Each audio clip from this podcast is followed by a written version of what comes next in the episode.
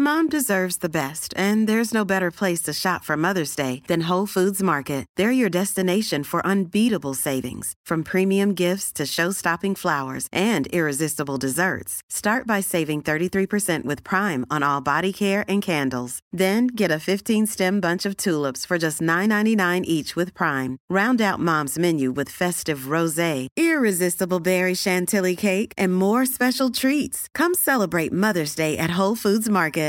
Hey Dave. Yeah, Randy. Since we founded Bombus, we've always said our socks, underwear, and t-shirts are super soft. Any new ideas? Maybe sublimely soft. Or disgustingly cozy. Wait, what? I got it. Bombus. Absurdly comfortable essentials for yourself and for those facing homelessness. Because one purchased equals one donated. Wow, did we just write an ad? Yes. Bombas. Big comfort for everyone. Go to bombas.com slash ACAST and use code ACAST for 20% off your first purchase.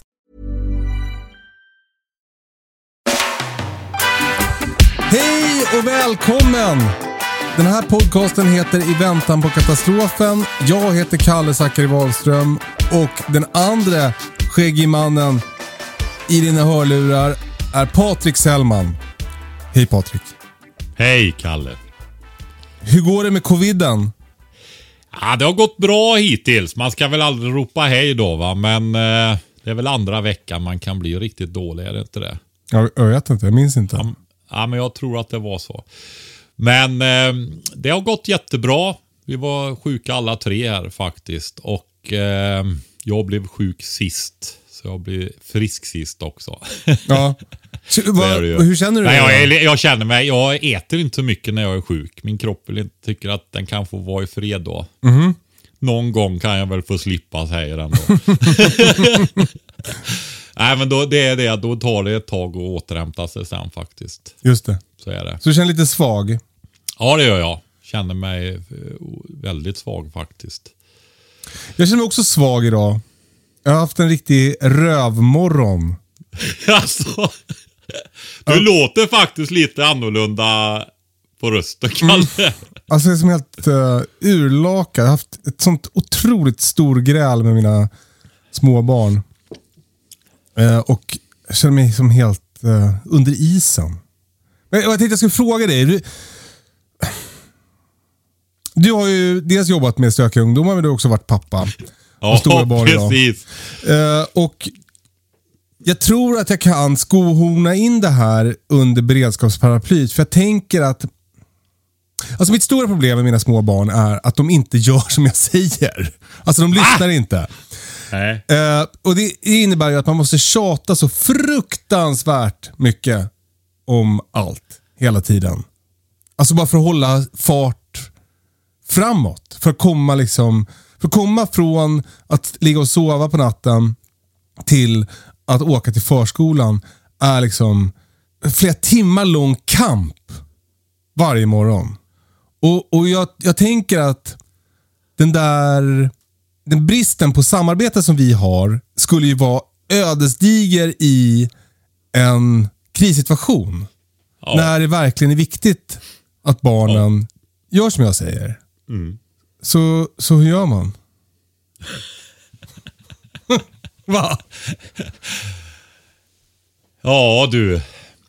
Det är ju en fråga om eh, gränssättning egentligen. Jag tänkte på det när jag, vi pratade sist. Jag pratade om ungdomarna där och sen vi sa det här med kärlek. Ja. Jag sa jag att man ska ha kärleken som drivkraft. Och då tänkte jag det att det där kommer ju, det blir det där rosenröda kärlek som alla ser. Kärlek är ju också att göra det ultimat jobbiga också. va. Alltså om jag då drar parallellerna till de här ungdomarna som spöar lärarna så var det så här att de visste att vi var beredda att göra så mycket för dem. Att vi kom dit dag ut och dag in. Vi svek inte som de flesta andra vuxna. Nej, alla andra vuxna nästan skulle jag vilja säga. Och dessutom så stod vi där och satte stopp för dem. När de ballade ur. Va? Dels kunde deras kamrater veta att de fick inte stå och banka på dem hur mycket de ville Idag, alltså, för, idag ska det vara lågaffektivt bemötande och sådana här grejer. Alltså. Alltså när vuxna människor, nu lämnar jag din familj där va, men parallellen någonstans är sig i alla fall åt samma håll va, fast det är olika divisioner då va. Men du vet när vuxna människor står och tittar på när barn och ungdomar skadar sig själva genom att bete sig illa. Då är det jävligt illa i en kultur. Va? Så är det. Då är det vilsna, fega barn som ser ut som vuxna. I så fall. va. Alltså man måste våga vara vuxen också. ehm. Nu är ju hela samhället sånt va. Det bara pågår och pågår och pågår hur mycket stök som helst bland ungdomar egentligen. Va? Så, ehm, och det är inte kärlek. Det är feghet. Eh, när jag jobbade som lärare så ehm, var, det var ju, det här är ju, är ju en successiv process då, men det var ju, började ju bli illa redan då. Och eh, jag var även arbetslagsledare och jag sa så här. Och hade lite det som, våga vara vuxen. Många lärare vill ju vara, man vill vara kompis, man vill vara liksom, man är jätterädd för att barnen inte ska tycka om en. Va? Men liksom kompisar, det har de redan. Man ska vara barnens bästa lärare, inte deras bästa kompis. Och det är samma sak som förälder. Du ska inte vara barnens bästa kompis. Man ska vara barnens bästa föräldrar. Så är det. Och, man är, och i den kulturen vi har då så är det ju så här att man vågar inte kliva in i rollen helt enkelt hela vägen. Va? Man tror att det är fel i princip. Va? Ja. ja. Men hur ser det ut då? Alltså när det är till exempel då så här, ett barn som vägrar klä på sig. Hur, hur ser det ut när man är en vuxna i den situationen? Ja, då, då är det ju så här att då kan, du ju ha, då kan man ställa sig frågan så här då. va Eftersom vi inte lever i en perfekt värld. Ska man ha den konflikten varje morgon med barnen hela deras uppväxt? Nästintill då. Va? Det Ja, kan säkert vara bättre månader men ofta till och från kommer det där att komma. Eller ska man se till, på, se till så att det är... När det här är ju det är så väldigt stor skillnad också när barnen är små eller när de blir större. Va? Ja. Alltså du har ju det här att, eh, men det gäller ju när barnen är små då också att man får helt enkelt ta på dem kläderna. Ja, men, hur går det till? när de är små. Ja, men jag, alltså, jag, jag, jag känner mig bara som att jag... Liksom, det känns, så, känns liksom fel i hela mig att hålla fast någon och tvinga på dem ett par byxor. Liksom. Ja, Är det så man ska göra? ja, jag skulle gjort så. Nu ska vi ta på oss kläderna för vi måste åka till dagis. Nu väntar de på er där och så vidare. Va? Och det är alltså, saker är så här att man kan, du får ta ändå med situationstecken. Därför att jag ser ju inte hela situationen utan det är ju det här som gör att det är så himla svårt att vara förälder. Svårt att vara lärare. Svårt att vara människa. Det är ju därför att eh, många gånger så är varje situation väldigt unik. Va? Och du måste läsa av den och det är ju förmågan att läsa av det. Som gör att, att det går lättare. Men alltså det det som gör att man inte tycker om om vi säger så här, som, vi hade ju väldigt mycket handledning utav psykologer i den här arbetsgruppen som jag jobbade i sex år där också. Och då, då var det som en sa en gång, nej men när, när det blir konflikter med små barn, ja, men då, får, kan man ju, då får man ju bära iväg dem helt enkelt. Ja. Medan det kanske du inte gör med en 15-åring med skostorlek 46 då va. Ja. Nej. Och det gör du inte på Fast jag kan faktiskt säga så här nu för det är så länge sedan. Jag vet inte om, om, om jag blir anmäld av någon. Jag har faktiskt ehm, burit en elev som var 15 år också. Och då var det det att jag kände att jag kunde inte lämna henne helt enkelt. Hon var på väg till ett ställe där det inte var bra för henne. Va? Hon vägrade. Det var bilar som stannade och allting på vägen. Jag bar hem henne till skolan. Det är kärlek kan jag säga. Ur det kan du prata om att det tog emot. Va? Och jag, Men jag bara tänkte det. Jag kan inte svika henne där. va. Jag fick bära iväg henne. Så var det. Men det är så jävla, det är så jävla svårt. Jag, jag tycker att det svåraste med föräldraskapet är att, att liksom hålla någon slags stringens. Alltså att, alltså att hålla, hålla, för det är så lätt att man bara reagerar hela tiden. Ja, Alltså, att man, nu är det bråk om kläderna och sen så är det inte bråk om kläderna. Då känns det jättehärligt. Och, och, och så nu har jag sagt så här, det blir, ni får inte titta på TV om det har varit tjafs om kläderna på morgonen. Då blir det ingen TV den dagen. Och så ska jag, nu känner jag mig liksom rutten hela dagen för att jag har, har skrikit och bråkat med dem. Och så kommer jag hämta dem och så kommer jag känna så här, och gud vad mysigt det är nu. Ja, men det är klart de kan gå och kolla lite på film. Och, och då har jag liksom, alltså förstår du? Det gäller bara att upprätthålla det där, det där ansvarstagande vuxna genom hela dygnet. Det är så svårt. Ja, men du vet att det är det där ha rädsla eller kärlek som drivkraft. För att du är ju jätterädd där på morgonen just när det blir sådär. För du tappar ju kontrollen där. Va? Ja. Ja. Och då är det ju så att du ska inte hamna där egentligen. va? Nej. Och det, det är för du har ju, du har, alltså du vet man har ju föreställningar om vad den perfekta föräldern är och så vidare. Va? Och det, det finns ju inte. Nej. Men jag vill koppla tillbaka till det där. Jag, jag brukar säga så här. Tror du på fullt allvar att den perfekta föräldern är den per perfekta föräldern? Jag tror inte det. Nej. Ja, Utan, precis. För eh, en, en grej som jag har lärt mig det är ju så här att man ska återkomma. Om man känner att man har gjort skrikit Ja. dumt så, så får man säga att man har gjort dumt. Och, och att det är, det, är liksom, det är bättre att lära sig att säga förlåt än att låtsas som ingenting.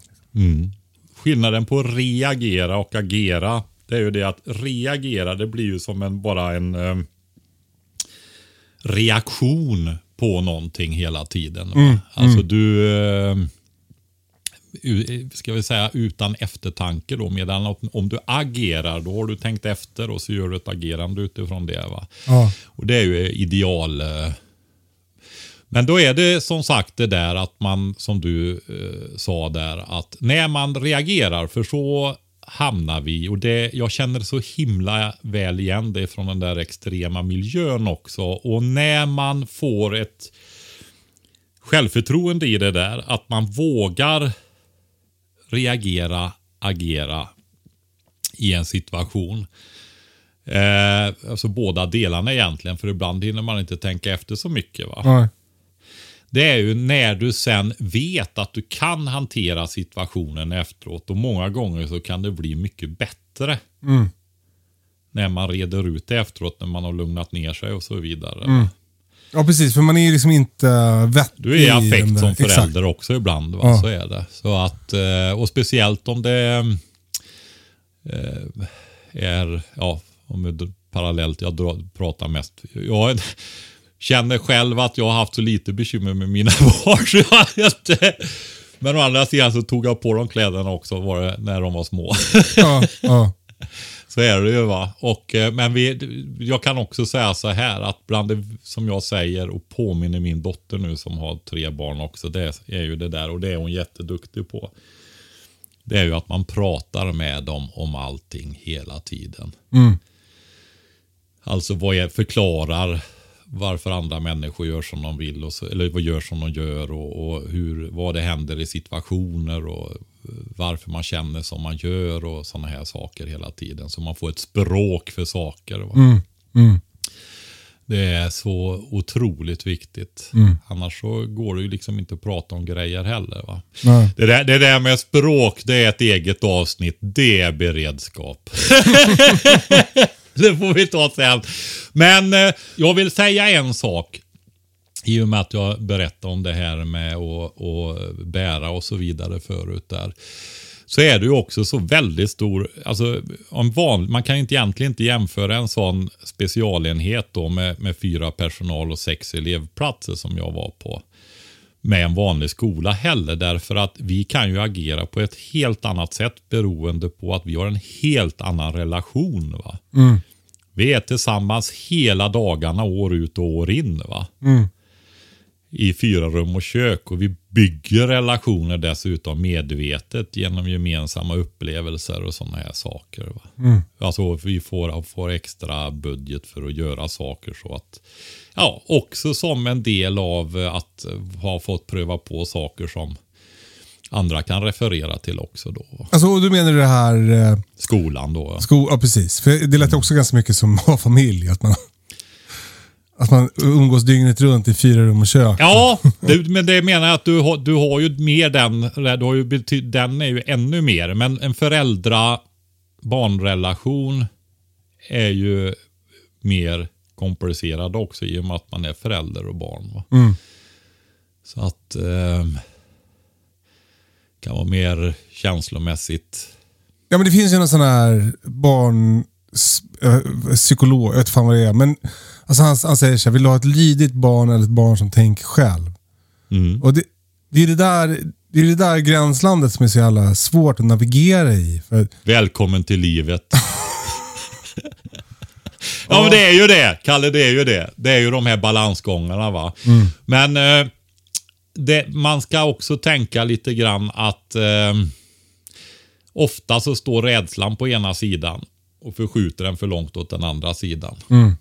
Så att det är en balansgång men man eh, men det är också det här att, alltså, för jag kan, du kan, alltså man, det är lätt att tänka som är det, jag vill gärna koppla till det där stället därför jag fick lära mig så otroligt mycket där. Va? Och det är ju just det här, du får ju tänka dig den här unge mannen som började på den här skolan. Va? Och man har ju sett i tv och hör och läser i tidningar om hur folk beter sig. Och så hamnar du liksom i det där och möter det i verkligheten. Liksom. Hur, hur kan folk tänka så här? Va? Det är ju barn i och för sig, men de kan ju vara liksom 14, 15, 16, 17 år. Va? Och som ung officer, alltså vi var väldigt vanligt samtalsämne på mässen. Det var ju det här liksom när får man använda våld och inte våld och så vidare. Va? Ehm, I och med att man jobbar i den ultimata våldsorganisationen då. Så vi pratar mycket om det där och så kommer du till ett ställe där du måste ingripa mot barn. va. För även om du gör, alltså det är så hög tröskel va. Eh, det tog två år för mig att landa i det och hitta eh, så att inte det blev våld på mig själv hela tiden. Alltså. Det, alltså, du vet, alltså, det var så jävla slitsamt rent ut sagt. Alltså, så jag, uh. jag förstår verkligen. Men sen, eh, ja men vad fan måste ju stoppa då. Ja. Det är lätt att tro att när det blir en sån där liten avdelning att det blir tuttinutt och så vidare. Men många barn som kommer till ett sånt ställe, när de blir trygga, då blir vi deras slasktrattare istället. Då. Alltså Okej. de har så mycket i sig så att de tummer ur sig det. Va? Och det Ja. tar sig olika uttryck och så för olika barn. Då. Och sen händer det saker och så vidare också då. Va? Sen var det fantastiskt väldigt mycket också, det ska jag säga. Det här var ju en skola där barnen kom och hade väldigt hög feber. Ja. De eh, ville ju komma hela tiden. Va? Aha. Så var det. Men, eh, men det är... Eh, vad jag vill säga också är så här att det är... Det tar emot saker och ting. Men jag landar ju i det att jag förstod, alltså sitt tänk att vi gör detta. För de här barna Och man ser hur barna Ja men alltså du har de här riktigt eh, tuffa ungarna då är du på gatan ute va.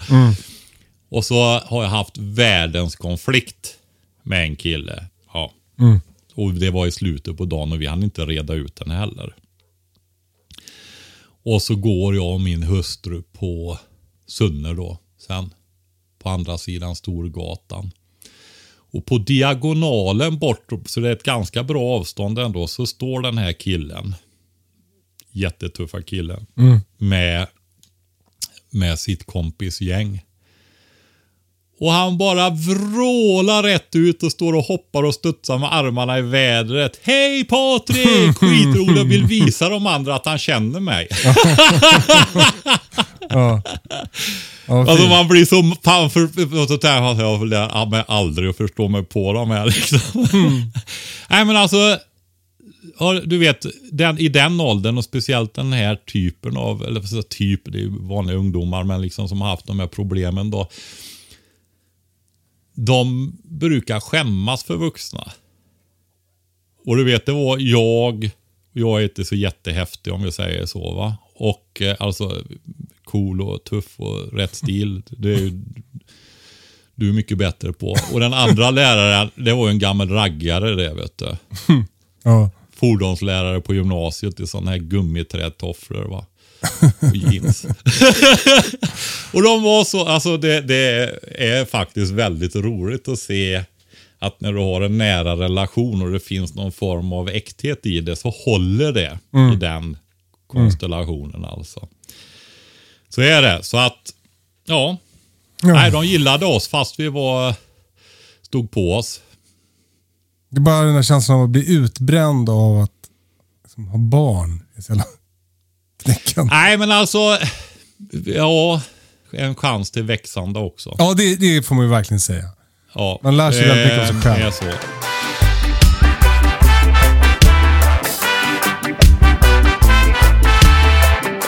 Vi har ju våran prepbox och det strulade ju till sig med logistikkedjorna där innan jul. Saker som var bestämda i juni.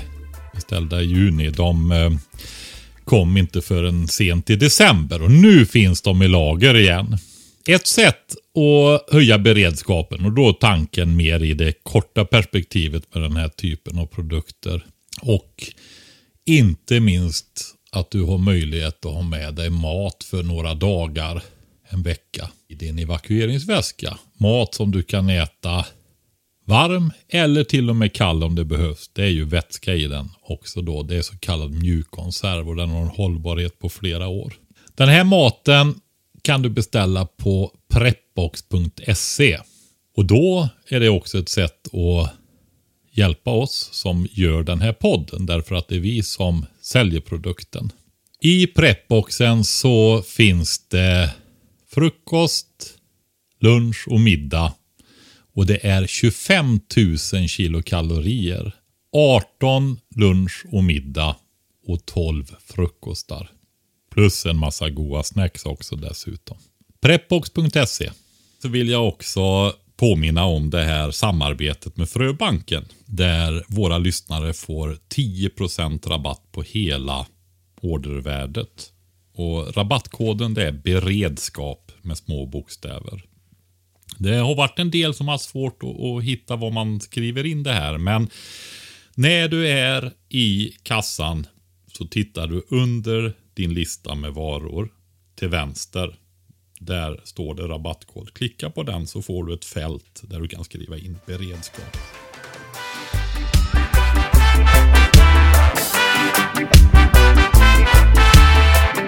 Nej, men nu går vi vidare till något lättare tycker jag Patrik. Uh, jag tänkte vi ska prata lite om världsläget. du växlar ju perspektiv här. Alltså en enklare fråga, nämligen. Har du några nyheter eller några eh, analyser eller tankar kring utvecklingen i Östeuropa? Ja, det har jag faktiskt. Eh, Dels så är det ju en grej. Jag får varje gång jag pratar om det här så får jag... En grej vill jag säga först. Ja. För det, är, det verkar som inte alla fattar det här att jag och du i, i princip bara ringer upp varandra och pratar. Ja, precis. Vi- Du, du visste ju inte att jag skulle, att jag skulle prata om, om mina barn idag till exempel. Utan det var ju någonting som jag tog upp i podden. Ja, visst. Och, eh, vi brukar, jag brukar skicka över några stolpar. Ska vi ta det här och det här? Här är ett mail och så pratar vi om detta. Vi, vi hinner ju inte... Vi, vi sitter, det här podden är ju att jag och du sitter och samtalar. Ja, men exakt. Så att det finns ju liksom, för jag får ibland få, har du källa på det? En del, alltså en del grejer, jag, Hittar du bara på? Nej, ja men det är ju det. Det är väl kanske jag och du som är källan ibland, att säga. Ja. Nej men alltså, vill man ha ett vetenskapligt program med källhänvisningar i eftertexter och sånt där. Ja. Ja, då är ju detta fel kanal helt enkelt. Just det. Så är det va. Ja. Alltså, det får, man får ju ta, för, ta det för vad det är. Ja. Och jag lyssnar ju med min, min hustru tycker ju väldigt mycket om våran podd och det Ja, tycker jag är jätteroligt. Så att jag lyssnar ju alltid med henne. Dricker kaffe och så sitter vi och lyssnar på podden sen.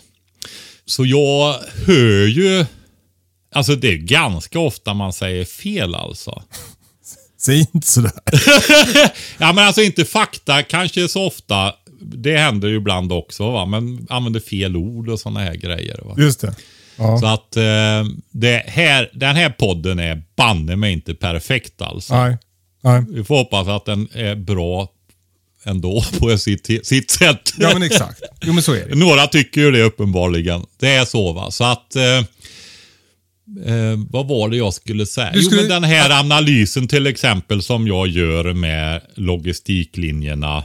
Eh, som jag trycker på så ofta just för att folk ska förstå hur sårbara vi är den här gången jämfört med tidigare situationer i världshistorien på ett helt annat, hela planeten omspännande sätt. Va? Just det. logistikkedjorna, hur de är oerhört sårbara. Hur mycket människor vi är och de här människorna, vad är det för människor? De kan ju ingenting om det mest grundläggande i princip, många av dem. va för att leva på planeten. Ja, men vad, vad ska det vara för källa på den? Det finns säkert någon som har sagt det förut. För jag tycker när jag har tänkt så kloka grejer genom åren. eh, Så är det alltid någon som för 2773 år sedan har sagt det. Ja. Ja, Ja. Så tror jag också. så ja, precis. Skäggiga gubbar har i alla tider suttit och gnällt över att ingen kan något längre. Nej, precis. Det är ju så häftigt just det med dagens ungdom när Platon skriver om det. För vad är det? Ja, nu har jag inte århundradet riktigt där, men det är ju flera århundraden mer än två, det är två, tre eller 2400 år sedan. Han klagar över ungdomarna. Det var som en artikel i någon dagstidning. Ja, ja. Nu sitter vi ändå här. ja. Men med det sagt, du vill, alltså, så, så vill du, det där var liksom en liten brasklapp då inför din analys. Nej men alltså så är det ju va och det kommer inte att bli något annat heller. Dels så tycker vi att det är ett roligt upplägg på podden. Vi vill göra en sån podd. Ehm, och då får man ta det. Och eh, vi kan ju inte sitta här och, och tassa på tå. Det är ju ingen som vill lyssna på det om vi sitter och är osäkra hela tiden. Utan vi, vi, vi sitter, vi kör på. Gud vad spännande det är nu Patrik. Det känns som att det ska komma någon riktig kioskvältare. nu kommer han att sticka ut hakan. Ja, nej, alltså det är ju inte värre än så här att varje gång jag pratar om Ryssland och Ukraina och, och tar hur ryssarna upplever det här. Ja, men du får ju inte säga det. Putin vill ju att du ska säga så. ja, Alltså menar folk att du är en nyttig idiot? förmodligen. Mm, vad spännande. Ja, alltså för jag tänker ju ändå så här att om man ska försöka förstå en situation så får man ju försöka ta den ur olika perspektiv så gott man kan. va? Eller hur? Men det blir på något sätt som att om man tar Ryssland och beskriver hur de verkar uppleva situationen då och kanske tänker lite själv hur de skulle kunna uppleva den då. Ja. Så, eh, så tar man deras parti. Sluta gör det bara Patrik. Nej men alltså, det är ju så här va. Det är ju fullständigt åt helskotta att en nation tycker sig ha rätt att bestämma över andra nationer överhuvudtaget. Ja. Alltså om jag skulle säga vad jag tycker så tycker jag det är otroligt illa med stater i sig till och med själva. Jag är riktigt mycket så. Va? Här har vi en, en, eh, en stor eh, någon som tycker att de extra ska vara extra märkvärdiga liksom och ha ett inflytande som är en lite större förebild som tycker sig också ska ha det då. va? Eh, och jag tänkte inte på Kina i det fallet då. Eh, utan det är ju det här historiska arvet från Sovjetunionen där man, ja, USA och Sovjet var ju mer jämbördiga då. Va? Sen kollapsade ju Sovjetunionen och Ryssland har sakta rest sig men är ju inte riktigt i närheten än om man bara går in och tittar i tabeller på ekonomi och så vidare. Det man ska veta med Ryssland är att de är inte, du vet de pratar om sanktioner och sådana där grejer mot Ryssland. Alltså de har byggt upp väldigt mycket inom landet. Så att de är väl en av de länder i världen som har väldigt hög själv, vad ska vi säga, självhushållning då om man säger så. Det var ju fel. Nej men alltså de kan göra väldigt mycket i landet fortfarande. Så Ja. som vi var förr. Så att de är inte lika sårbara som många andra är då på det viset. Mot ekonomiska sanktioner och sånt där. Sen behöver, är det alltid bra med handel och så vidare när det gäller välstånd. Om, den, om den sker på, på rätt sätt. Då. Men eh, jag är inte för att Ryssland ska invadera sina grannländer och jag är inte för att Ryssland ska bestämma eh, sina grannländers säkerhetspolitik heller. Nej. Nej, man måste ändå kunna ta olika perspektiv för att göra en vettig analys av en, eh, en situation. Och sen ska jag också säga det här avtalet som jag nog tog upp i någon av det här. Det finns inte heller något avtal att man inte skulle gå in på eh, Ryssland. Då. Vadå? Nej, men jag, jag tydligen har, sa jag det i något avsnitt det här att eh, när Sovjetunionen föll så gjorde det, det, det är tydligen ett rykte att eh, Gorbachev och eh, Ronald Reagan tror jag det var gjorde ett avtal om att det skulle vara lugnt runt Ryssland då och då gick man in och tog med Baltikum i NATO precis bredvid en av deras största städer, Sankt Petersburg. Va? Ja, ja, ja. Men eh, det var, fanns tydligen inget sånt avtal. Uppfattat. Eh, eh, Om jag ska fråga så här Patrik. Är du mer eller mindre orolig den här veckan än förra veckan? orolig är det är ju så här att eh, jag, jag har ju pratat om detta med oro och så förut. Det är oroligt i världen. det, alltså, det är ju en, en, en, mer eller mindre en osäker tillvaro att vara här. Va? Så är det. Men eh, det som är oroande ska jag säga eh, för en eskalerande situation Jewelry isn't a gift you give just once. It's a way to remind your loved one of a beautiful moment every time they see it. Blue Nile can help you find the gift that says how you feel and says it beautifully with expert guidance and a wide assortment of jewelry of the highest quality at the best price. Go to BlueNile.com and experience the convenience of shopping Blue Nile, the original online jeweler since 1999. That's BlueNile.com to find the perfect jewelry gift for any occasion. BlueNile.com. There's never been a faster or easier way to start your weight loss journey than with PlushCare. PlushCare accepts most insurance plans and gives you online access to board-certified physicians who can prescribe FDA-approved weight loss medications like Wigovi and Zepbound for those who qualify. Take charge of your health and speak with a board-certified physician about a weight loss plan that's right for you. Get started today at plushcare.com slash weight loss. That's plushcare.com slash weight loss. plushcare.com slash weight loss. Mom deserves the best, and there's no better place to shop for Mother's Day than Whole Foods Market. They're your destination for unbeatable savings, from premium gifts to show-stopping flowers and irresistible desserts. Start by saving 33% with Prime on all body care and candles. Then get a 15-stem bunch of tulips for just $9.99 each with Prime. Round out Mom's menu with festive rosé, irresistible berry chantilly cake, and more special treats. Come celebrate Mother's Day at Whole Foods Market. Det är ju att USA och NATO verkar köra in eh, både materiell och soldater nu. Då?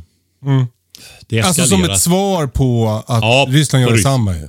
Ja, precis. De är ju redan där runt. Va? Och det är ju för att, att sätta ner foten emot Ryssland. Så att de inte invaderar Ukraina då. Va? Så de höjer trösklarna kan man säga då. Va? Men samtidigt så är det så när man höjer trösklarna så eskalerar man ju situationen då om det blir någonting. Va? Men jag reagerar också på en DN-artikel som en kvinna skrev. Där. Ja, men vad ska Ryssland invadera Sverige för liksom? Vad är det för trams? Ja, men det är så här att eskalerar situationen där så har de Baltikum på no i, i, vid Sankt Petersburg. Några mil ifrån Sankt Petersburg. Och eh, blir det krig emellan Ryssland och NATO eller USA? Ja, då eh, ligger ju Baltikum pyrt till. Ja, Då är det. ja. Och eh, där har ju de bara landgränsen rätt in medan det har inte NATO på samma sätt då. Va? Och eh, ska man, om, om man är ryss och ska ta Baltikum. Då handlar ju allt om eh, hur långt man kan skydda sig sen då. Va? Och det innebär ju att de tar ju Gotland före eller samtidigt som de tar Baltikum. Alltså för att eh, förhindra att eh, NATO... Ja, framskjuten posi framskjutna positioner så att inte NATO får framskjutna positioner. Just det. Så att eh, Sverige har varit och är extremt strategiskt. Alltså det är ju halva gränsen emellan NATO och Ryssland. Sverige och Finland. Framförallt Sverige då. Det är så. Och det kommer att fortsätta att vara så. Det, det är lite märkligt med ändå hur eh, alltså stora svenska dagstidningar kan skriva någonting sånt. Och sen det här att eh, svenska försvarsmakten, alltså för en annan du vet som har sprungit och varit med på 30 000 mannaövningar inne i Varberg och Halmstad, en av de största som vi haft i hela historien liksom. Och fartyg och, och ja du vet vad vi höll på med. Sprang och sköt inne bland villorna och ja men så här. När, och nu, ja folk blir kränkta för att det kommer var, var tre regementen på Gotland förut innan de saboterade det här. Ja. I och med att det är så strategiskt läge. Va? Det kallas ju också för hangarfartyget eh, Gotland. Ja, roligt. ja, men det är ju för att den ligger ju där som ett stationerat hangarfartyg i princip för baser och eh, för flygvapen och sådana saker då. Va? Just det. Och så kör man dit. Alltså, det är ju också så här att det är vi tänker försvara oss. Och har man dessutom eh, beväpnad personal. Ja men då är det så att ska man dit då är det, blir, är det en stridssituation. Va? Och det har en helt annan dignitet. Om inte det skulle vara några soldater där. Ett oförsvarat territorium liksom. Det är inte alls samma dignitet på det om, om Ryssland går in och tar det. Va? Ja.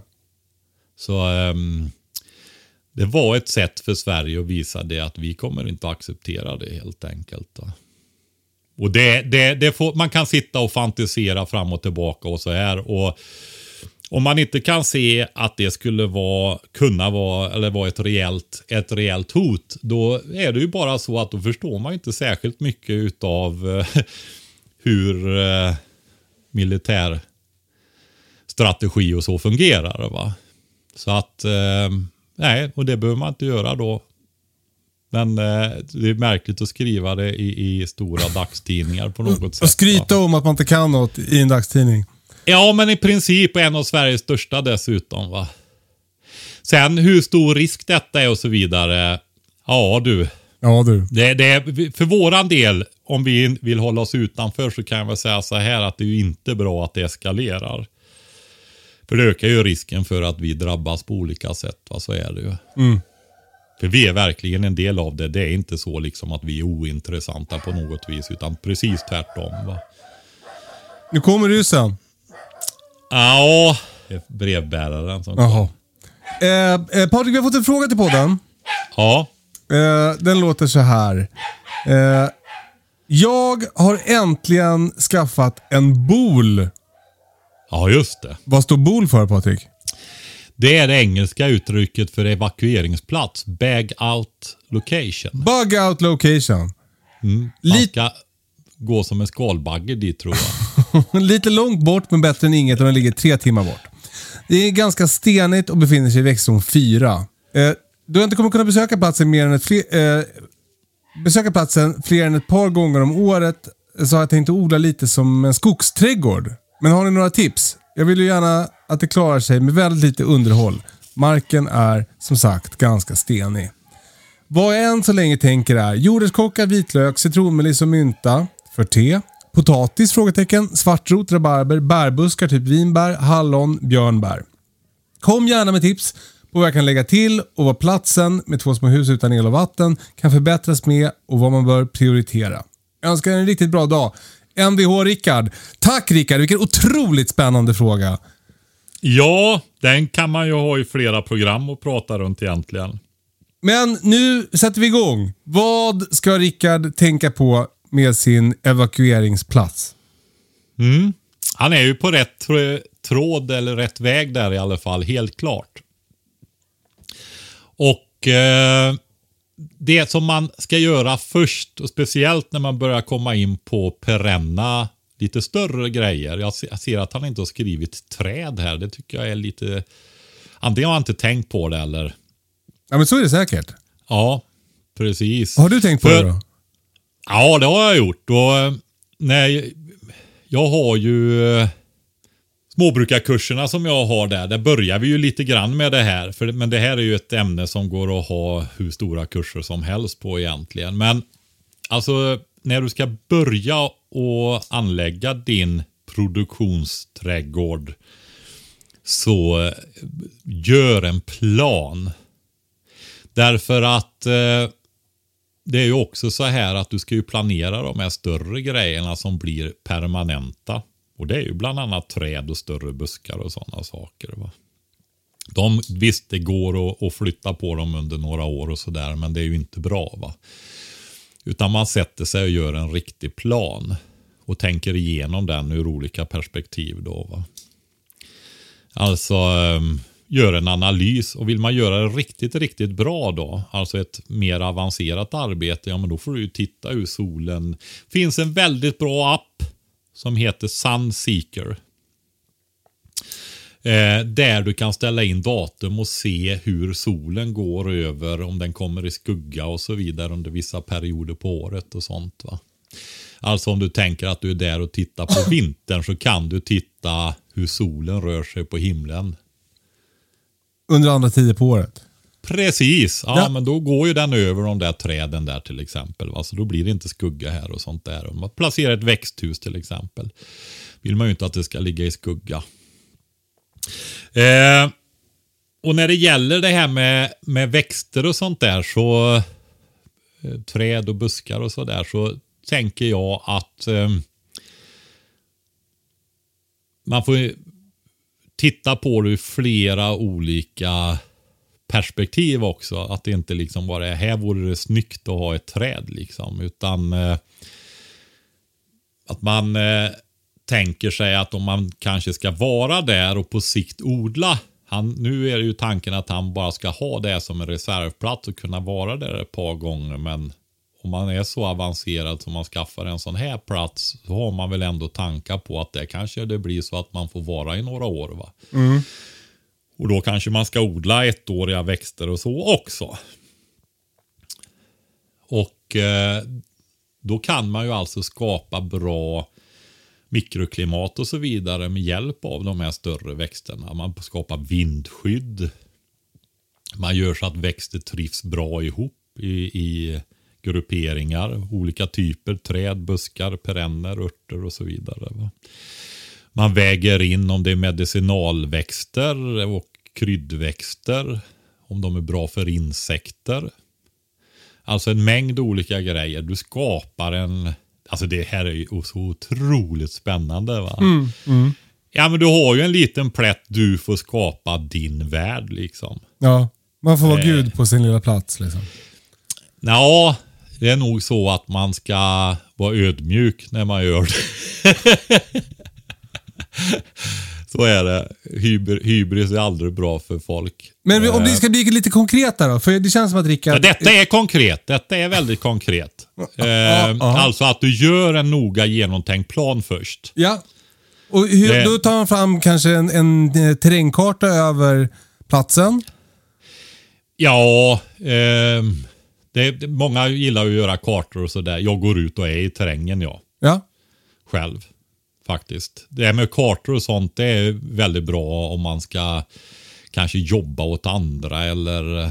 Ja, men det blir eftersom eh, Rickard inte kan vara på den här platsen så ofta. Han, han, det är kanske är bra för honom om man- om man åker dit nu. Det är, Ja. det är en bra bit dit. Att han gör en skiss över fastigheten som man sen kan ta med sig hem och fortsätta planeringen på hemmaplan. Mm. Google Maps är ju väldigt bra. Den går ju att förstora upp jättemycket då som utgångspunkt där. Och den, jag vet inte om det var fastighetsgränser och sånt på den också. Men det finns ju andra som har det annars. Så att det går att göra utskrifter och sånt där också om man vill. Då. Och Då ska han göra en plan där han funderar över hur han skapar liksom mikroklimat på den här platsen för att eh, främja eh, de växter som han väljer att plantera. Ja, och jag är ju väldigt mycket för att skapa en varierad eh, biotop också. Alltså mycket biologisk mångfald i kantzoner och ridåer och, och sådana här grejer också. Därför att jag har sett att det, det blir friskare och trivsammare och så också där. En, en grej som du nämner är eh, fruktträd. Mm. Eh, och Det låter ju toppen att Rickard ska plantera fruktträd. Det bästa, bästa tiden att plantera ett fruktträd är ju igår. Eller förra året, eller vad brukar man säga? Ja, ner med dem i jorden så att, du, så att de eh, börjar bära frukt någon gång. Men eh, eh, en grej som jag har lärt mig då, som jag undrar över, det är ju att, att fruktträd, de två första åren så måste man ju vattna fruktträd väldigt mycket. Ja, Hur hur ska Rickard tänka där? Det finns ju, eh, ja, alltså bara det som klickade till spontant nu då. Det är ju det att om han skulle kunna göra någon form av eh, eh, droppbevattning. Alltså en timerstyrd. Nej, alltså eh, det eh, jag tänkte mig mer att han sam, beroende på hur det ser ut på platsen, om det lutar eller någonting sånt där, om han gör eh, eh, ett regnvattensamlingssystem från taken på de där två husen där. Och eh, låter det droppa till eh, och det går ju att ha timerstyrning på det också då. Nu är det ju så att det går ganska mycket vatten till, till träd då, men det är väldigt bra att du sa det, för det är någonting som jag tycker mig ha iakttagit. Alltså förmodligen ett vanligt nybörjarfel, det är ju det att man vattnar för dåligt under etableringen. Att man bara sätter buskar eller träd och så får de stå där. De kommer ju aldrig igång om man inte vattnar dem och etablerar sig riktigt. Va? Just det. Så är det. Så att det är jätteviktigt med bevattningen då. Va? Tycker du att Rickard ska fundera över ett sätt att eh, eh, pumpa upp vatten? Alltså ska han eh, gräva en brunn eller ska han borra en brunn på den här platsen? Mm. Nu vet inte jag var stod det att han var någonstans. Växtzon Det är visst- 4, stenigt. Det är bara, Ja, men det är bara att fundera. Ja. Norduppland. Kan vara inlandsklimat och så vidare där. Ja, precis. Det beror ju på hur mycket nederbörd det är också. Om man kan samla, blir det kruttorrt en sommar så kan det ju vara illa och ja, då blir det ju inget vatten alls va? och då mår de inte bra de växterna alls. Nej. Ja, för det där med bevattning är en grej som, det är, många jag pratar med som har ett odlingsintresse, de kanske har en sommarstuga där de sköter sin odling. Och, och Det känner jag igen från när jag levde så, att jag levde eh, liksom halva året i stan och halva året på landet. Att det var ju väldigt svårt med odlingen för att man inte fick kontinuitet i just bevattningen. Men att då hitta någon slags timerstyrt system kanske skulle kunna vara en vettig väg framåt för, för eh, Rickard. Alltså, ju- just det här med bevattning. Det, kommer du ihåg när vi pratade om det där i början? Vi pratade mycket om bevattning, just hur otroligt viktigt det är. Det är liksom det som är avgörande. Ja. Det är vatten. va. Eh, visst, det behövs näring och andra saker också, men jag tycker eftersom jag höll på långt innan det här allmänna informationsflödet och så vidare så tycker jag att det var ytterligare ett ställe där jag var väldigt trög. Alltså jag underskattade alltid vattenbehovet och det var först när jag verkligen började sköta det där med vatten som jag insåg vad det betydde mycket. Va? Alltså vad, vilka fina skördar det blev helt plötsligt. Oj, jag kan ju också få de där jättefina grönsakerna. Ja, men för det verkar så svårt för mig liksom som, som har kommit igång med odling så verkar det så svårt att odla om man inte är där. För, för alltså, nu, nu pratar ju Rickard om att odla kanske saker som klarar sig lite bättre själv. Ja, Men ändå. Alltså, du- eh, hallonbuskar behöver ju vatten för att etablera sig. Och, och ger man dem inte det så kommer de inte någonsin att bli, kunna stå på egna ben. Liksom. nej. Alltså det, om man vill krångla till det lite grann så är det ju också så här, hur ser terrängen ut? Va? Det, det är ju så. Um, det kan ju vara för, till och med vara för mycket vatten på en del ställen och så finns det allt däremellan. Va? Men, men jag har ju ett typexempel med en liten... Det, väster om mitt hus här så är det liksom en liten topp på min tomt. Och så rinner det av åt alla håll.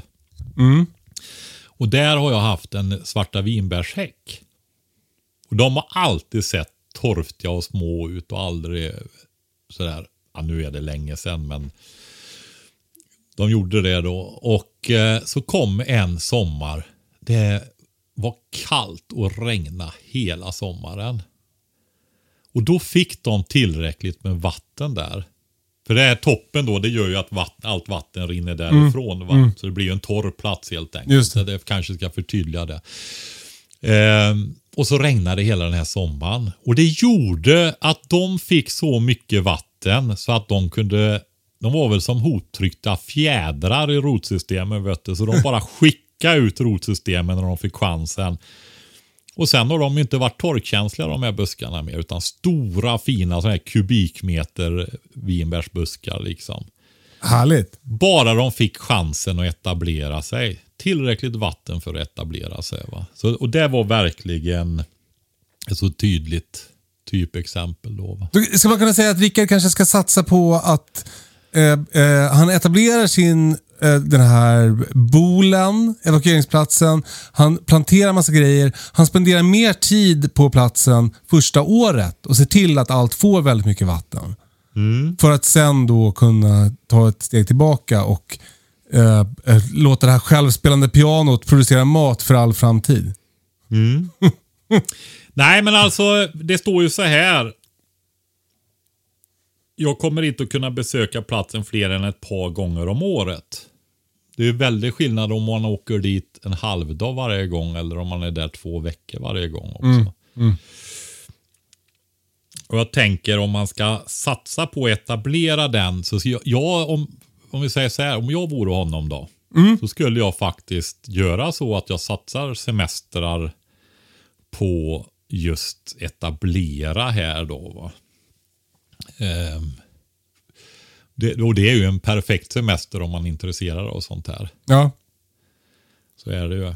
Ett annat tips kan ju vara... Roligt arbete. Alltså om det finns någon person som bor i närheten som du litar på så, så, så kan man ju lo- fråga om den kanske kan vara schysst och hjälpa en lite med, med bevattningen.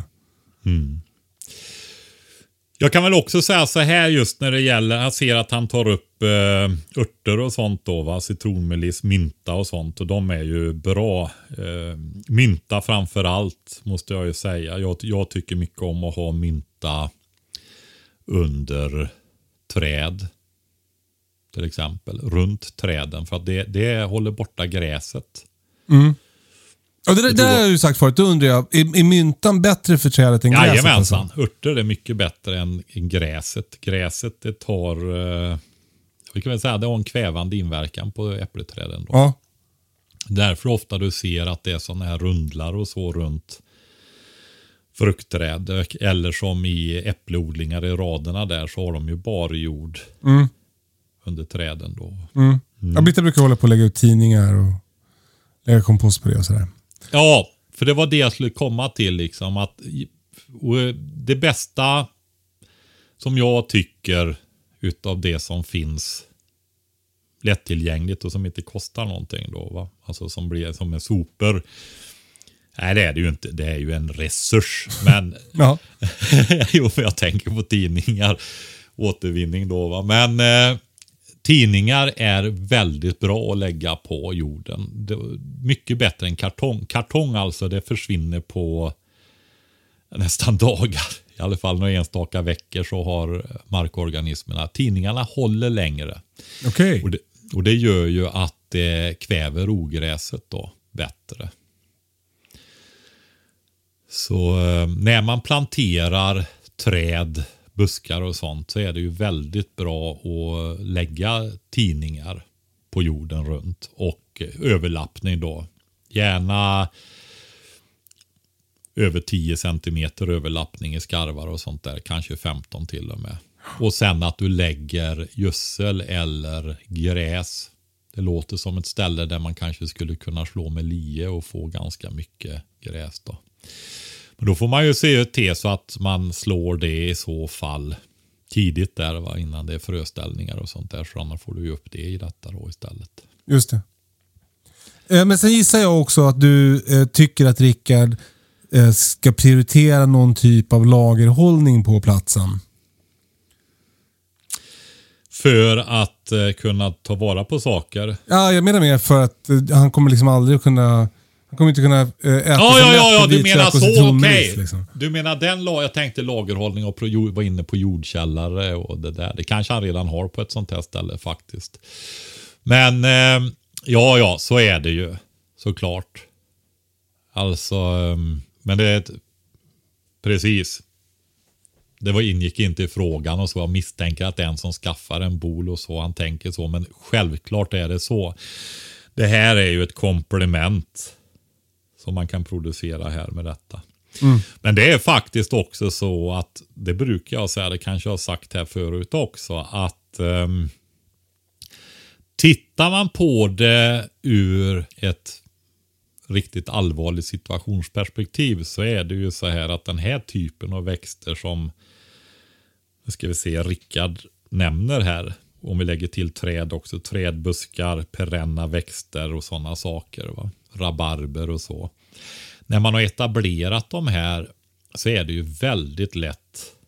Alltså du behöver ju i princip bara gå ut och plocka. Va? Lite beskärning om, kan man ju göra för att, förbättra resultatet. då. Så det här är ju mest bang for the buck alltså. Det är det verkligen. Och eh, bär och frukter och sånt också är ju, speciellt bär är ju väldigt bra både energi och näringsmässigt också. Och går att torka och konservera och så vidare då. Så att det här är ju verkligen eh, beredskapsväxterna nummer ett. Va? Så han är på Hur rätt man än- spår. Ja, absolut. Är man, eh, och du får ju mycket vitaminer och sånt via de här växterna också. Va? Och eh, Han tar upp, när det gäller bärbuskar så tar han upp vinbär, hallon och björnbär. Och eh, Det går ju att bredda jättemycket om man vill det. Alltså havtorn, aronia, blåbärstry. Det går att ha hösthallon också. Vi har, både sommar och hösthallon här. Fläderbär, krusbär. Mullbär är det många som håller på med också. Ja, jag har försökt här men misslyckats. Det är en av de där grejerna jag aldrig har fått till faktiskt. Ja, men då tror vi inte på den. Nej, jag vet inte hur det är med zon 4. Det kanske ska gå, men eh, mullbär är, eh, jag har, det är en sån där växt som jag har ju en ganska stor. Vet du. Och så har jag ju tänkt på det där att de kommer ju från djungeln. Så min hönshage är ju i alla fall till delar som en djungel. Och då är, gillar jag ju det där och om man kan odla grejer där inne då som matar hönorna dessutom. Perfekt. Ja, du vet, det är ju lite det där att det sköter sig själv. Etablera växter, perenna, stora växter och så står de bara och släpper ner maten när den är perfekt till dem. Och det mullbär är ett av dem faktiskt. det är därför jag har försökt med mullbär men jag har inte lyckats då. Eh, eh, Rickard säger ju att det inte finns några el och inget vatten. Men eh, är vårt förslag att han ska ändå ska försöka se över det och kanske eh, installera en enkel solpanel för att kunna ladda telefonen. Och eh, eh, försöka att på något sätt lösa vattensituationen. Antingen genom att samla in regnvatten eh, eller någon typ av brunn. Alltså, det, du har ju sådana här eh, passiva grejer med. Du vet, det går att sätta säckar som står och droppar vatten och sånt där. På nyplanteringar då. Alltså, Om man tänk- va, va? Hur då? Ja, men har du inte sett dem inne i, det är sånt som parkförvaltningar och sånt där använder en hel del. Ja, ja, ja, det har jag, de där ja. De har undrat hur Ja, de de ställer dem bredvid nyplant. Ofta nu för tiden så köper man ju stora träd. va. Ja. Och de eh, har ju, för att det ska vara hanterbart, inte alls så stora rotsystem då. Du vet, ofta, man pratar ju ofta om att eh, rotsystemen är lika stora som kronan. Mm. Och tar du då och planterar ett 10-15-årigt träd för att inte folk ska hinna tröttna på de där innan de har vuxit upp i längs en allégata. Eller man ska Ja men också de andra träden är stor, relativt stora och så eh, dör ett och så vill du att det som du planterar ska vara i närheten lika stort i alla fall. Och då, då ställer de ju sådana här säckar, stor, det finns jättestora säckar då. Så det, det är ju ett alternativ också då. Mm. Och då är det typ att ett hörne på säcken står bredvid och så är det någon dropplösning där då. Va? Så det, visst finns det olika sätt då. Va? Sen, sen har du ju det här med regnvatten. Och eh, Det pratas ju om två hus. Skulle ju kunna tänka sig att det ena kanske är ett uthus, förråd, laggård. Mm. Alltså du vet en sån här torparlaggård, litet backstugelaggård eller vad man ska säga det då. Va? Mm. För två getter och bonkatt och några hönor. Nej, men de kan ju vara lite högre och då kan du ju få upp en ställning med en IBC eller någonting under som en regnvattenreservoar där då. Mm. Och då har du ju ett visst självtryck också. Så att det går att få en droppning där utav sig själv utan el då. Mm. Men annars så går det ju 12, en, en pump drar inte mycket watt eller eh, energi. En sån liten elmotor va.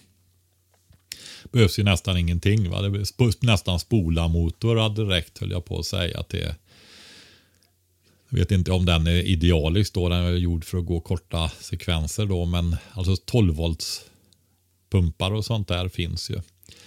Så eh, det går ju definitivt att driva med små solcellsanläggningar än en vattenpump. Då. Mm. Och det kan man ju också tänka sig att man har en reservoar.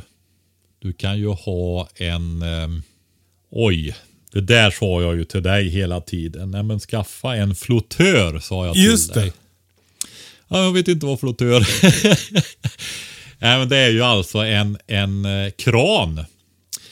Eh, så när vattennivån sjunker. En flottör, det är ju som en flotte, den flyter. va?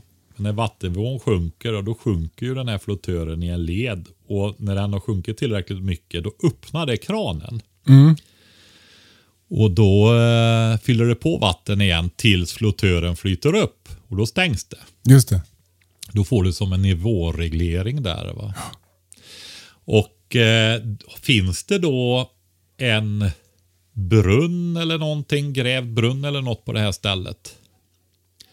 Så eh, kan man ju också tänka sig att man pumpar upp vatten i en IBC eller någonting. För att ha lite marginaler.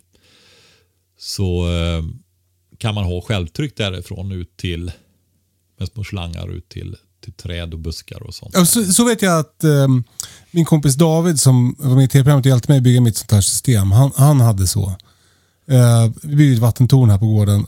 Han, hade, eh, han pumpade upp vatten till en IBC en, som stod högt. Och, som, och därifrån kom sedan vattnet ut till hans odlingar. Mm. Eh, och där kan ju då Rickard, brevskrivaren, han kan ju kika. Det kanske finns något vattendrag i närheten. Då kan man ju använda det. Det vore ju drömmen. Mm. Ja, just om man har vattendrag i närheten så finns det ju en väldigt bra lösning faktiskt.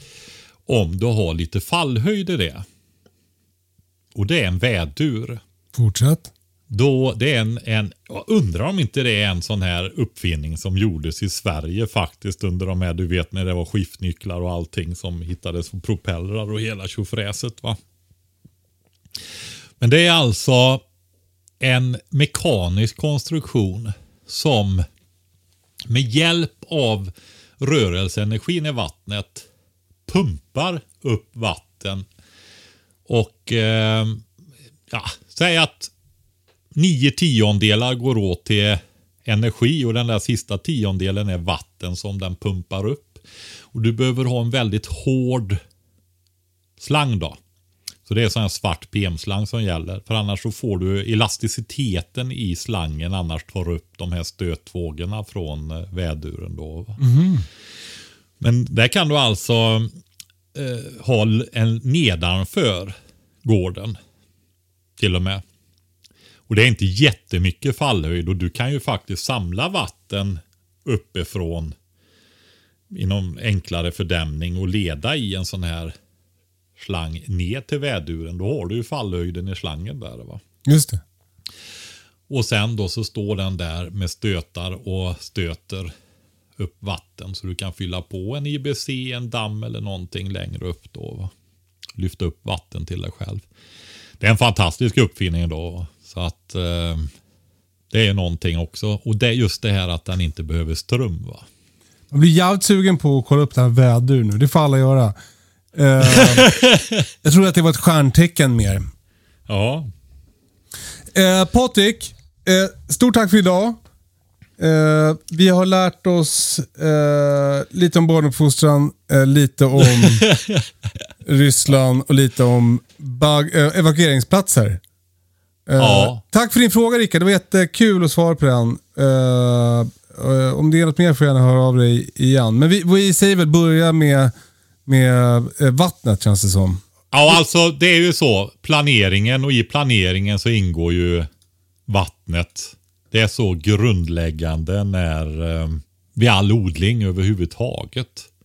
Och det, jag betonar ju också det där, vi har ju pratat om det mycket i tidigare avsnitt för relativt länge sedan just det här med vad mycket vatten det går åt. Speciellt i när man odlar ettåriga växter också. Va?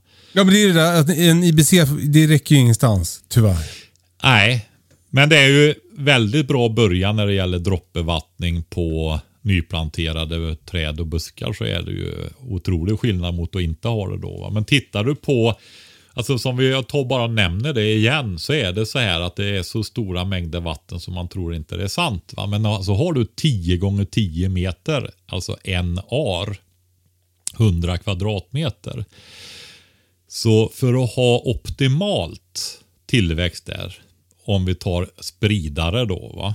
För det, det är lite slösaktigt med spridare för att det hinner blåsa, avdunsta och så vidare. Då. Men om man kör med spridare så är det 25 till 30 millimeter nederbörd i veckan.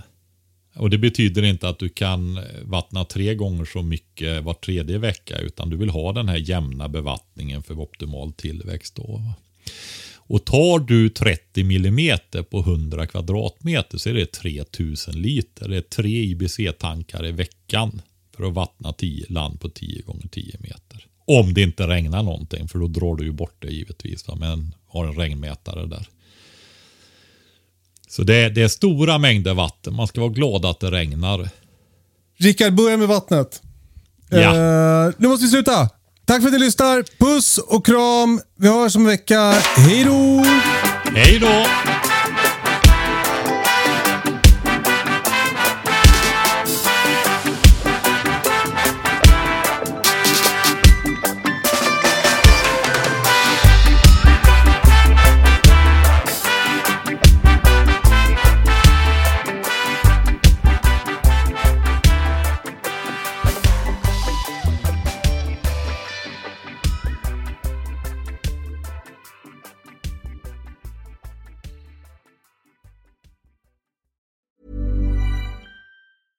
Ever catch yourself eating the same flavorless dinner three days in a row? Dreaming of something better? Well, HelloFresh is your guilt free dream come true, baby. It's me, Gigi Palmer. Let's wake up those taste buds with hot, juicy pecan crusted chicken or garlic butter shrimp scampi. Mm. Hello Fresh. Stop dreaming of all the delicious possibilities and dig in at HelloFresh.com. Let's get this dinner party started.